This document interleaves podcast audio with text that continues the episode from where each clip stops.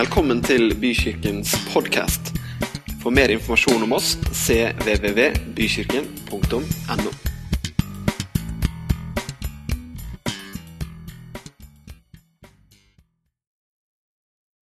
i lakksko, og vi skulle på møte, og du vet, det var egentlig ikke tur vi var på. Og så, når jeg var i bånn, så hører jeg bussen fløyte. Eh, Og hvis du har prøvd å løpe opp fra denne Jøtelhugget i lakksko, liksom møtekledd, når bussen har fløyta, da jeg kjenner fortsatt nesten blodsmaken i munnen. Eller den gangen jeg var i Asunción i Paraguay, hovedstaden, og uh, Ingvald Skretting, misjonæren som jeg besøkte, sa at du, Argentina ligger egentlig rett over elva på, på andre siden av byen. Jeg tenkte, wow, er vi så nært? Jeg, liksom, jeg må se det store bildet, jeg må liksom skjønne hvor er det vi egentlig er. Så jeg bestemmer for at jeg jogger, men så hørte jeg at det var visst ikke helt trygt i den enden. Så jeg uh, jogga i gammel T-skjorte, ingen mobil, bare en shorts, og akkurat sånn tenkte jeg at det er det tryggeste. Da blir jeg ikke rana. og gikk vill. Løp meg vill. Skjønte ikke hvor jeg var hen. Så det som sikkert var Argentina, men skjønte ikke hvor han fant hjem. Men det var jo en taxi som man kunne betale etterpå, så det løste seg. Eller da var jeg i Kongo og besøkte Ingeborg Eikeland i Bukavu, som jo var så nært grensen til Rwanda. Jeg måtte jo finne ut hvor langt er det egentlig til Rwanda. Det går jo an å jogge, gjør det ikke det? Det var mye man kan gjøre når man kan jogge. Så hun sa ja, men vær tilbake før det blir mørkt, sa hun. Så jeg jogga sammen med en annen kar, og kom halvveis og snudde han. Han sa nei, nå må vi snu for å komme hjem før det blir mørkt. Men jeg måtte jo til grensen til Rwanda, for det var jo liksom, jeg har behov for å liksom se sammenhengene. Og det ble jo mørkt. Og ja, det kom plutselig en kongoleser opp på siden av meg og begynte å liksom følge meg mens jeg løp. Jeg løp litt fortere. tenkte oi, ok, er det utrygt nå? Det var helt mørkt. Uh, ingenting skjedde. Alt gikk bra, sånn som det alltid gjør. Uh, og Han fulgte meg. Jeg bare sa i det jeg svingte inn til misjonsstasjonen God bless you, brother. Det var sikkert en engel. et eller annet Gud visste hva jeg trengte. Eller da jeg for eksempel, en annen gang var i Mamaya, Svartehavet. Hvis du har hatt ferie i Svartehavet, så vet du det er veldig flott, svær sandstrand som heter Mamaya. Og Vi våkna der neste morgen og tenkte wow, det var en svær strand. Jeg må jo liksom ta rede på hvor langt er det til den veien, og hvor langt er det til den veien. Og det gjorde jeg jo. Du løp jo timevis i sola der, og neste natt så hadde jeg fullstendig opphovna tå, for jeg hadde liksom snubla så mye i sanden og greier. Så jeg har altså fått lide litt for den der veldig trangen til å liksom få tak på det store bildet og skjønne hva er liksom sammenhengene. Kanskje noen av dere ikke er sånn i det hele tatt, men i dag tenkte jeg jeg prøver å ta med meg det store bildet, slik at vi kan få sette ting litt i forhold til hverandre. Litt spøk til side, men det er jo noen gang behov for å ta rede på hvor er vi nå? Hva er det vi kan forholde oss til? Hva er på en måte det store bildet? Og by the way så kan vi vel si det sånn at det store bildet er noe ingen har sett.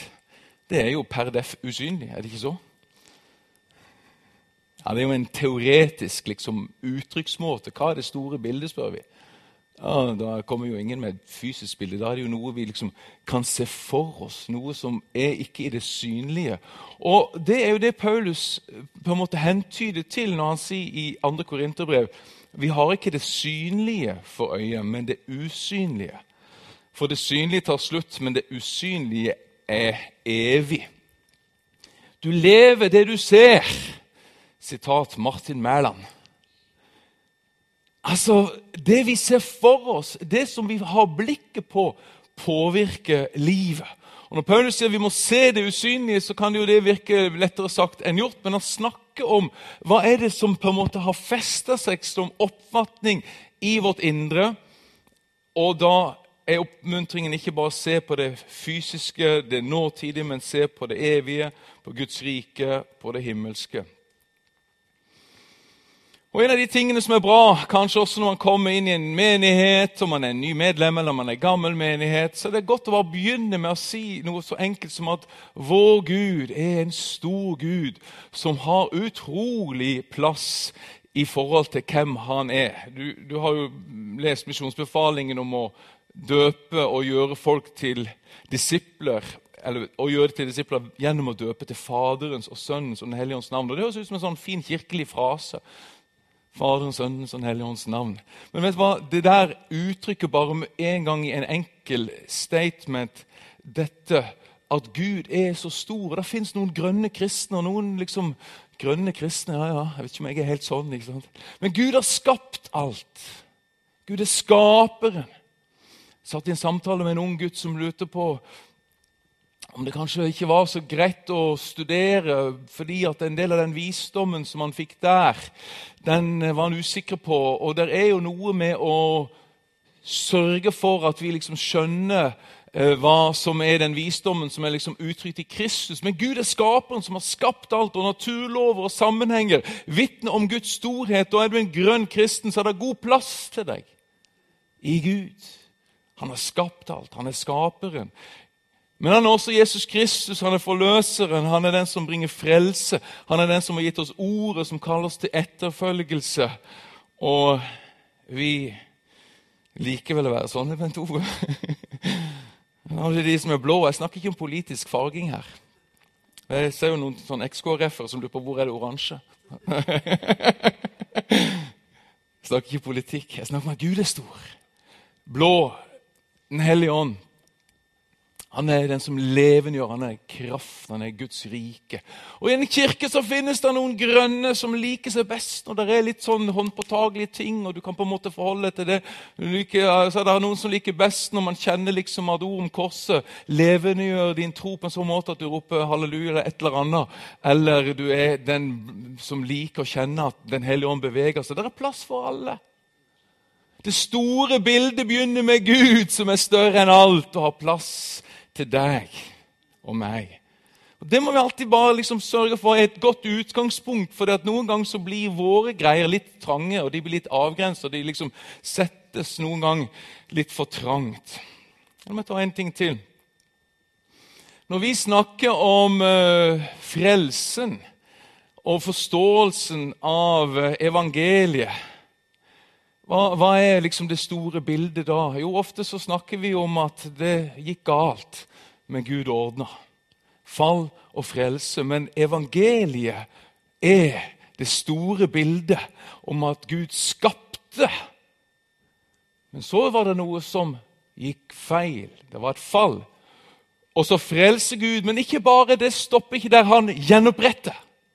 Det store bildet er at Gud gjenoppretter. Han frelser ikke bare, men han gjenoppretter. Og for å understreke det, la meg ta det enda et hakk dypere. Hvilken type frelsesforståelse er det vi kan kalle det store bildet? Kolosserne sier at for i ham ville Gud la hele sin fylde ta bolig. Og ved ham ville Gud forsone alt med seg selv det som er på jorden, det som er i himmelen, da han skapte fred ved hans blod på korset. For å ta en enkel tegning. Korset gjør noe med menneskehetens fall. Mennesket falt. Men Bibelen beskriver også at fallet fikk konsekvenser for hele skaperverket. Jeg klarer ikke å forklare helt hva det i alle deler betyr. Men Bibelen snakker om bli, at ting ble lagt under forgjengeligheten. Altså Det var konsekvenser også i forhold til natur, universet. Og når Gud da skal lage mulighet for personlig frelse, som vi hørte lest, av nåde er dere frelst, så er ikke det bare det han har i tankene. Gud har også kosmisk frelse. altså en gjenopprettelse av alle ting, inkludert. Og Så kan man jo da ta denne her, den er kanskje litt sånn fiffig, da. Men uh, hvordan blir et menneske frelst? Dette er jo godt sånn kjernespråk i den kristne menighet. Frelst. Hvordan blir man frelst? Jo, Bibelen sier for så høyt har Gud elsket verden at han ga sin sønn. Og når Jesus Kristus blir en realitet, du kommer til tro på han, så er det at han blir en realitet for deg. Det er det som skal til for, for, at du blir frelst. Altså, det er ikke noe mer. Det at du skjønner, ser, du ser Jesus, hvem han er, hva han har gjort for deg. Så tar du imot det. Så blir du frelst. Hva bringer også frelse? Hva bringer, bringer gjenopprettelse? Jo, ja, det er noe som bare har med himmelen å gjøre. Det skjer etter at alt sier pang eller kollapser her. Da har sikkert Gud et eller annet han kan fikse når alt har gått snett. Eller har Gud også en gjenopprettingsplan, som han, som romerbrevet sier, det skapte, venter med lengsel på at Guds barn skal åpenbares i herlighet. Og Da er det lett å lese himmeler når vi kommer hjem, og da fikser Gud alt. Eller kan det være at vår frelsesforståelse ikke alltid rommer hele bildet? At også mens vi er her, så vil Gud at hans barn skal herliggjøres, altså leve liv som faktisk er med på Guds gjenopprettende verk. Ok, Dette er ikke slag nødvendigvis for liksom miljøkampen, men vi er jo ikke her for å forsøple. Vi er jo ikke her for å bare bryte ned. Vi er jo her for å være en del av den gjenoppbyggende kraft, eller hur? Men hvis frelsesforståelsen blir for snever, så blir også praksisen for snever, for vi lever det vi ser. Jeg bruker det bare som et eksempel. Men det er viktig. La meg også ta disse tre tingene. Tre nivåer som er bra å ha med seg. Vi har det individuelle, vi har forsamlingen, men vi har også byen som bykirka ligger i. Jeg tok med meg bok. Hvorfor det? Jo, fordi at uh, som pastor i Klippen Sandnes for noen år siden, så kom jeg i møte med en uh, forkynner som heter Ellen Plett, og en sammenheng som heter Doxadeo.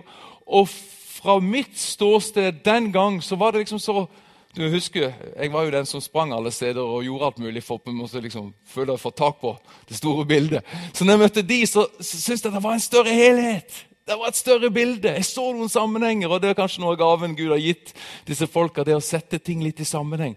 Og hans bok 'City Changers' syntes jeg var så bra, så jeg fikk Hermon til å oversette den til norsk.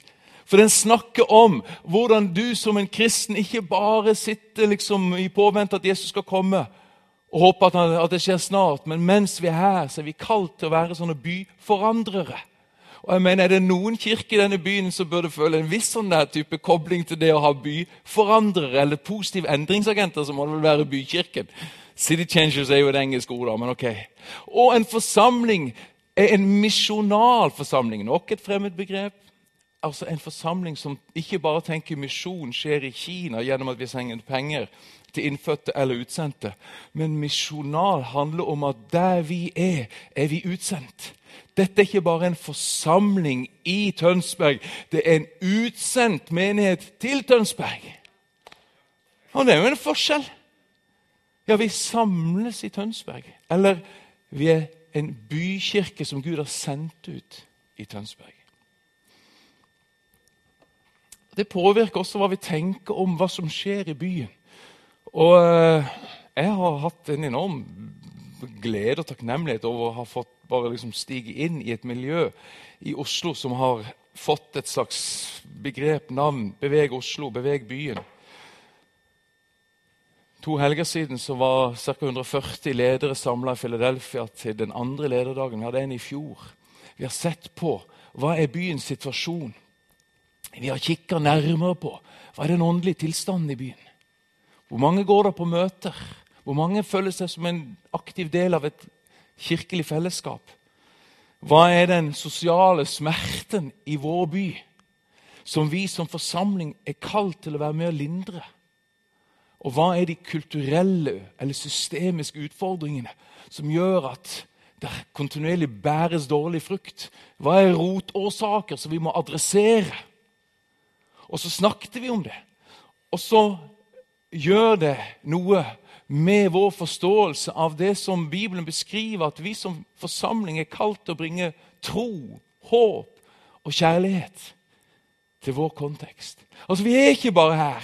Vi sitter ikke bare her. Det er ikke bare nok et møte. Vi må noen ganger jobbe litt for å holde det store bildet levende. Så vi ser hvem er vi, hvor er vi, hva holder vi egentlig på med, hva er greia? Ikke sant? Det er en del av hva som er viktig for oss. Utfordrer Bent Ove bare sånn Vi skal ha en samling i Oslo. Er det noe miljø i Tønsberg? Og det er noe miljø i Tønsberg. Men jeg drømmer om at bykirka handler om bykirka, handler om deg og meg. Men bykirka handler om Tønsberg. At agendaen og det vi hører snakk om når vi hører fra bykirka, handler om hva skjer i Tønsberg. Og, og det gjør jo det. Men det kan du gjøre enda mer. For Det store bildet handler om at Kirken er plassert og sendt ut. Jeg tar også litt på denne her. Syns det var et fint bilde du skjønner hva jeg mener når jeg får si at det var noen som jeg syns var flinke å male et slags stort bilde. Her blir kanskje et for stort bilde med for mange ting, da. Men det er jo en idé om at mennesker da kommer i berøring med Jesus gjennom den invitasjon til tro som vi står for, og at det leder folk inn i sånne prosesser av å kjenne Gud, av å elske mennesker, av å leve liv som berører vår hverdagsverden. Og tar vi den et hakk nærmere, kjenne Gud, skjønne hvem vi er i Han. Som altså sier, skal ikke gå inn i detalj på det. Elske mennesker. Leve romslige liv. Kjennetegnet på at vi vokser i Gud, er jo ikke bare hvor lenge vi ber, men hva slags liv lever vi med våre medmennesker? Og vi er sendt til denne verden slik at der vi er, bringer vi Guds nærvær.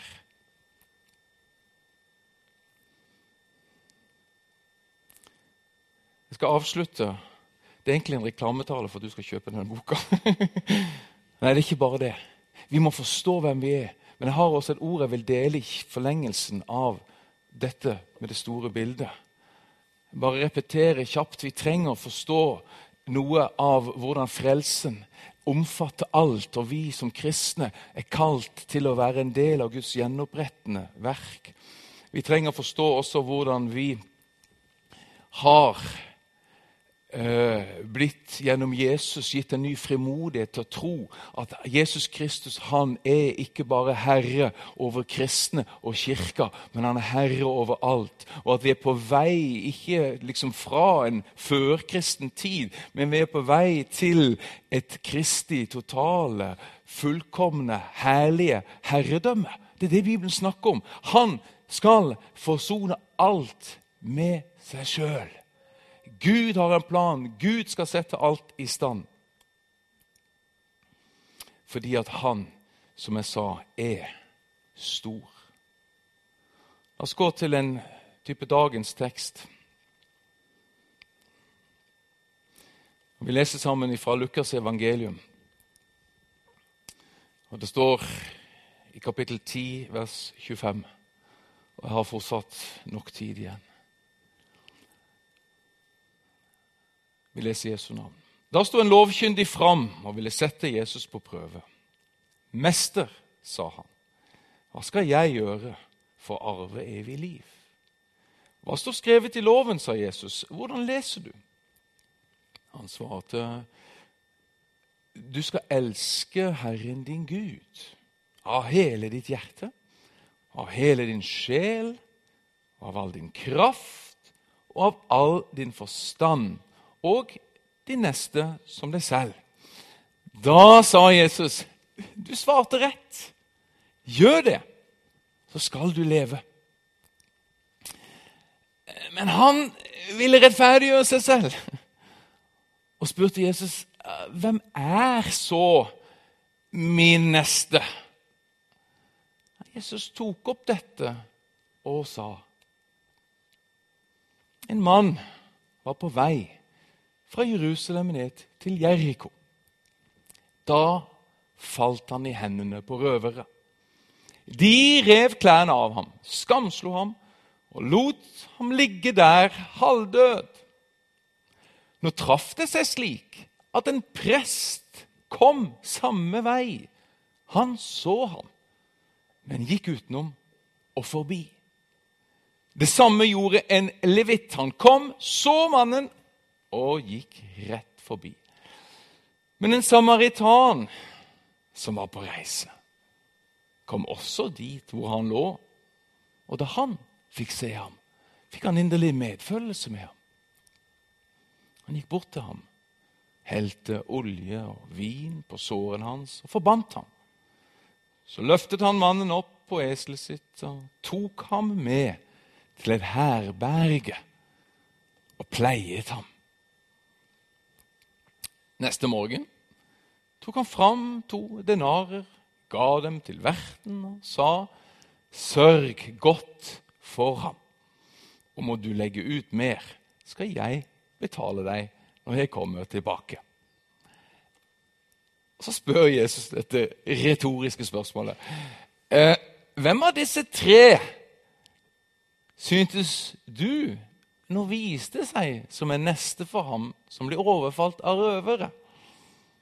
Han svarte, den som viste barmhjertighet mot ham. Da sa Jesus, gå du og gjør som han.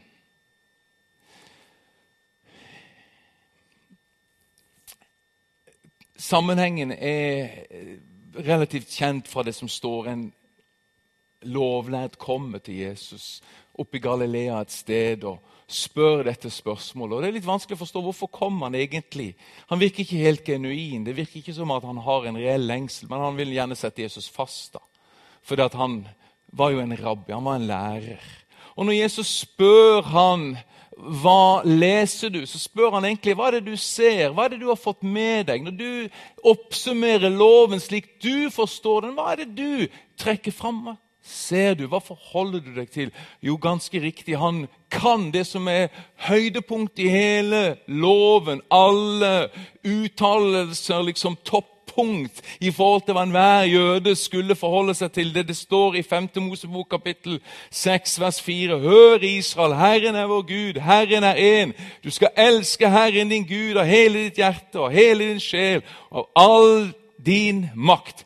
Disse ordene som jeg pålegger deg i dag, skal du bevare i ditt hjerte. Du skal gjenta dem for dine barn og snakke med dem når du sitter i ditt hus, og når du går på veien, og når du legger deg, og når du står opp. Og du skal binde dem om hånden som et tegn og ha dem som pannen som et merke. Du skal skrive dem på dørstolpen i huset ditt og på portene dine. Og vi merker at dette er viktig. Men hva er det det ikke står her? Hva er det som ikke står her? For mannen sa det jeg leser, det jeg har fått med meg, sier han, det er jo dette. Ikke sant? Og så går vi tilbake og så leser vi det. Og så, så det mangler noe der. Hva er det som ikke står i den teksten i Moseboka? Du skal elske din neste. Det står ingenting der om å elske sin neste. Gjør det? Det står om å elske Gud der. Ja, Hvor står det om å elske sin neste? da? Jo, det står på et ganske mye mer anonymt sted. For det står i en sammenheng. Og Du kan lese 3. Eh, Mosebok 19. Der står det en liste. Du skal ikke undertrykke de neste eller røve noe fra ham. Du skal ikke la lønnen til en dagarbeider ligge natten over hos deg. Dette er det vi kaller policy-dokumenter i en bedrift. ok? Hallo? Dette, dette er HR-policy. HR det virker liksom som det er på en helt annet nivå. Det ene var med fanfare og liksom brask og bram og ordentlig statement. Her kommer det en liste. Ja. Og så skal du ikke forbanne en som er døv. Ikke legge en snublestein i veien for en som er blind. Du skal frykte din Gud. Jeg er Herren. Dere skal ikke gjøre urett når dere dømmer. Skal du, ikke, du, skal ikke holde med den svake parten og ikke ta parti for den mektige. Du skal dømme landsmenn, landsmannen din rettferdig. Du skal ikke gå rundt og baktale ditt eget folk. Du skal ikke stå din neste til livet. Jeg er Herren. Du skal ikke bære hat til din bror i hjertet, men du skal tale landsmannen din til rette, så du ikke fører synd over deg for hans skyld. Du skal ikke ta hevn og ikke bære narr til landsmennene dine, men du skal elske de neste som deg selv. Jeg er Herren. Og så kan det på en måte rettferdiggjøre kanskje dette spørsmålet da fra han lovlærde. Ja, hvem er min neste? Hvordan forstår vi dette? Hva, hva er det Gud egentlig har i sikte? For riktignok så sier han at ja, du skal elske Herren din Gud. Det er det, det store som alle jøder har lært. Men så har man også i lesningen av lovet skjønt at det er noe annet som er like så stort, og det er å elske sin neste som seg sjøl. Men hvem er da min neste?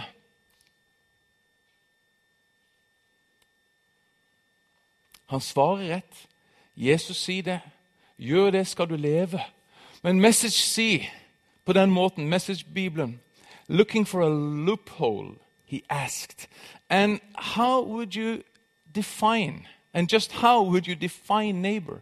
Altså, Jesus hjelp meg nå litt her.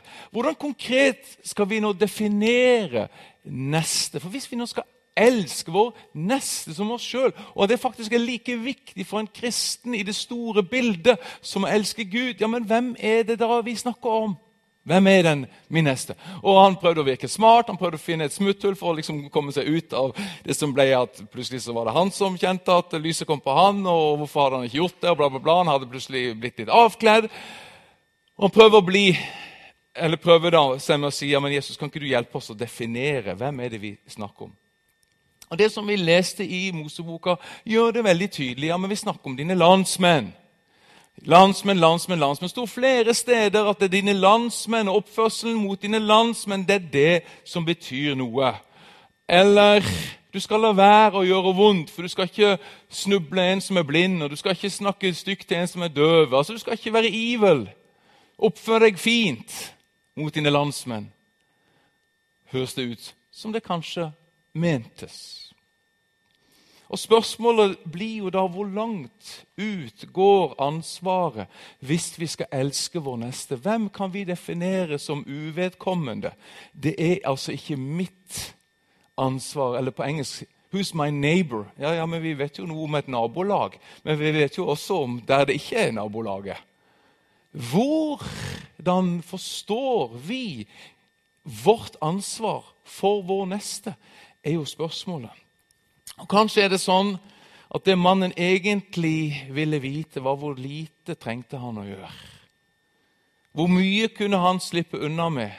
Altså, hvor tett rundt meg sjøl er det mulig å dra sirkelen, slik at færrest mulig havner på innsiden av den og blir en neste som jeg må elske som meg sjøl. Ikke sant? Hvor mye kan vi la ting bare liksom fare forbi? Hvor mye av det vi møter, kan vi på en måte liksom Ja, men det, det er på utsiden. Det har ikke noe med meg å gjøre. Jeg har ikke ansvar for den.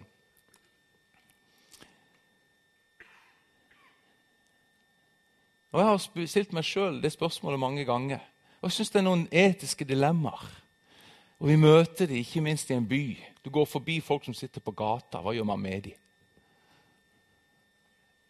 Nøden er liksom geografisk nær, men kanskje kulturelt og relasjonelt veldig fjern.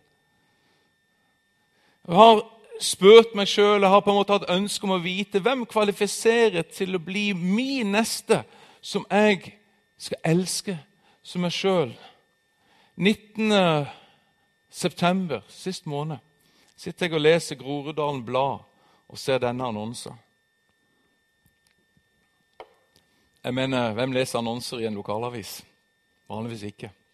Men jeg las denne. Og Kanskje litt av bakgrunnen var at vi i Oslo på denne Beveg byen lederdagen hadde liksom tenkt at vi må snakke litt om fosterhjemssituasjonen. Ja, Jeg visste ikke noe om den. Ingen av de rundt meg visste noe om den, men det, det, det ble sagt at det er behov for flere fosterhjem.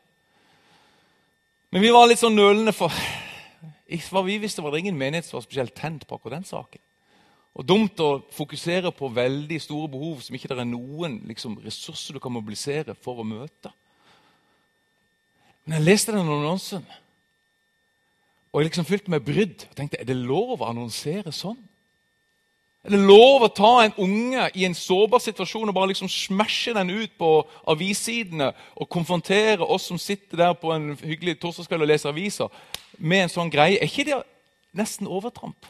Så jeg ringer den dama på fredag og sier du, jeg, jeg, I'm troubled. Jeg er litt sånn brydd av det der. Dels personlig.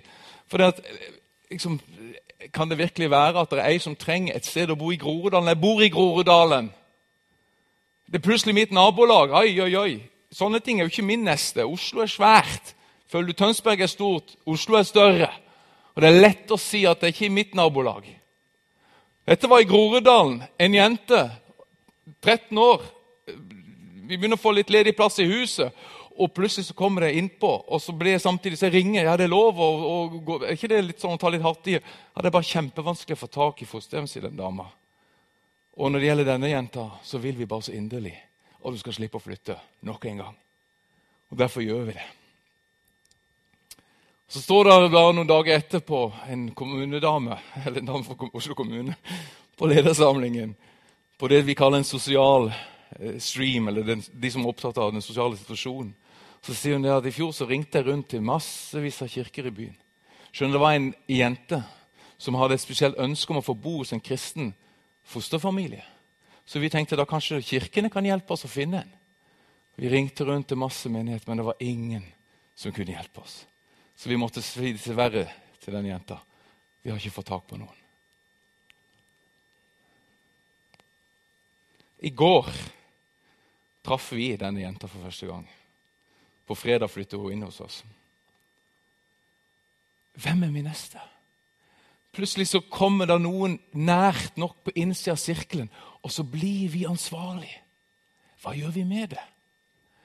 Du skjønner, I det store bildet så handler det jo ikke bare om hvor flott lovsangen var, eller hvor mange som satt i benken på søndagen. Men hvilken type liv lever du og meg om vi har fått tak i frelsen? Det blir jo et spørsmål.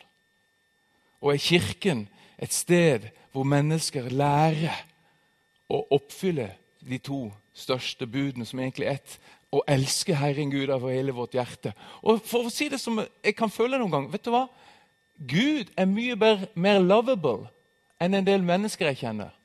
Det er faktisk enklere å elske Herren. Det har jo ikke noe feil på han. Ikke svikter han, ikke tar han igjen, ikke er han langsur. Jeg mener, hallo, Hvis du har lyst til å elske noen som er virkelig lovable, og verdt å elske, så er det vår Gud. Han er jo fantastisk. Det er jo deilig å få lov å elske Gud, for han, han er uten feil. Men dere er medmennesker har større problemer med. Det er noen folk rundt meg som jeg nok heller vil sørge for at den sirkelen jeg trekker rundt meg sjøl i forhold til hvem som er min neste, de er iallfall ikke innafor den. Johannes utfordrer seg i sitt brev og sier hvordan kan dere elske Gud som ikke dere ser, hvis ikke dere elsker din bror, som du fakta ser?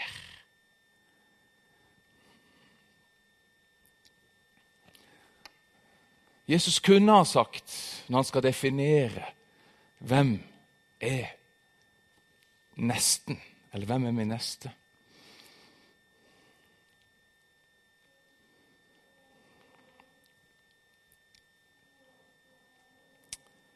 Han kunne ha sagt noe om at uh, dette gjaldt bare landsmenn. For det var jo det det sto i Moseboka. Så han siste han var jo en utlending.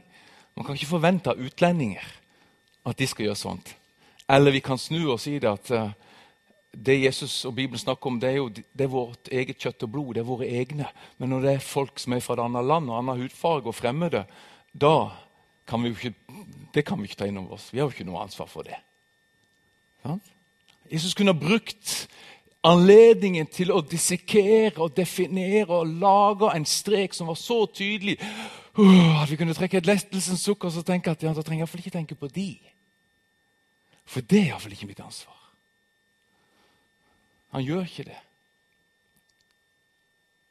Snarere så tar Jesus dette begrepsapparatet eller begrepsforståelsen som ligger i denne mannen, hvor han tenker ja, ja, hvis jeg klarer å være ikke ond mot mine egne, og være allment hyggelig, så er vel det budet omtrent oppfylt. Så gjør Jesus det som han gjør så mange ganger. Han på en måte radikaliserer budets forståelse.